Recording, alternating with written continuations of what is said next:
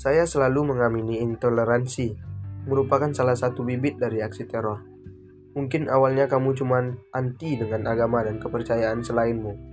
Lalu, kamu mulai menaikkan dosis, mensesat kafirkan mereka yang beda denganmu. Kamu mulai merasa berhak melarang dan menghalangi orang lain beribadah dan membangun rumah ibadah baru.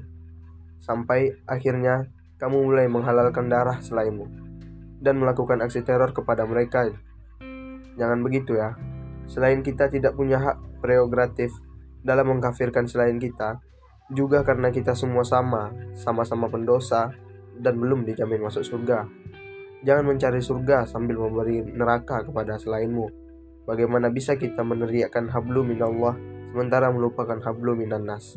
Bagaimana bisa kita setiap hari meminta ditunjukkan jalan yang lurus saat sholat 17 kali setiap hari? Bukankah artinya kita semua masih sama-sama belum lurus?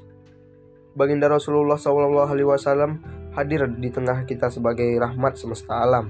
Mengapa banyak umatnya merasa berhak mengusik selainnya? Bukankah ini menyedihkan?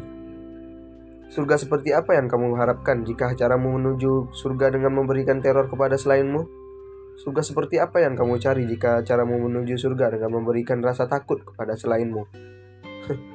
Mengerikan kita sehari-hari berkata, Allah Subhanahu wa taala Maha Pengasih lagi Maha Penyayang.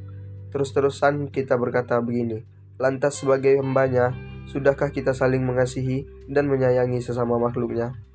Bisakah kita? Maukah kita?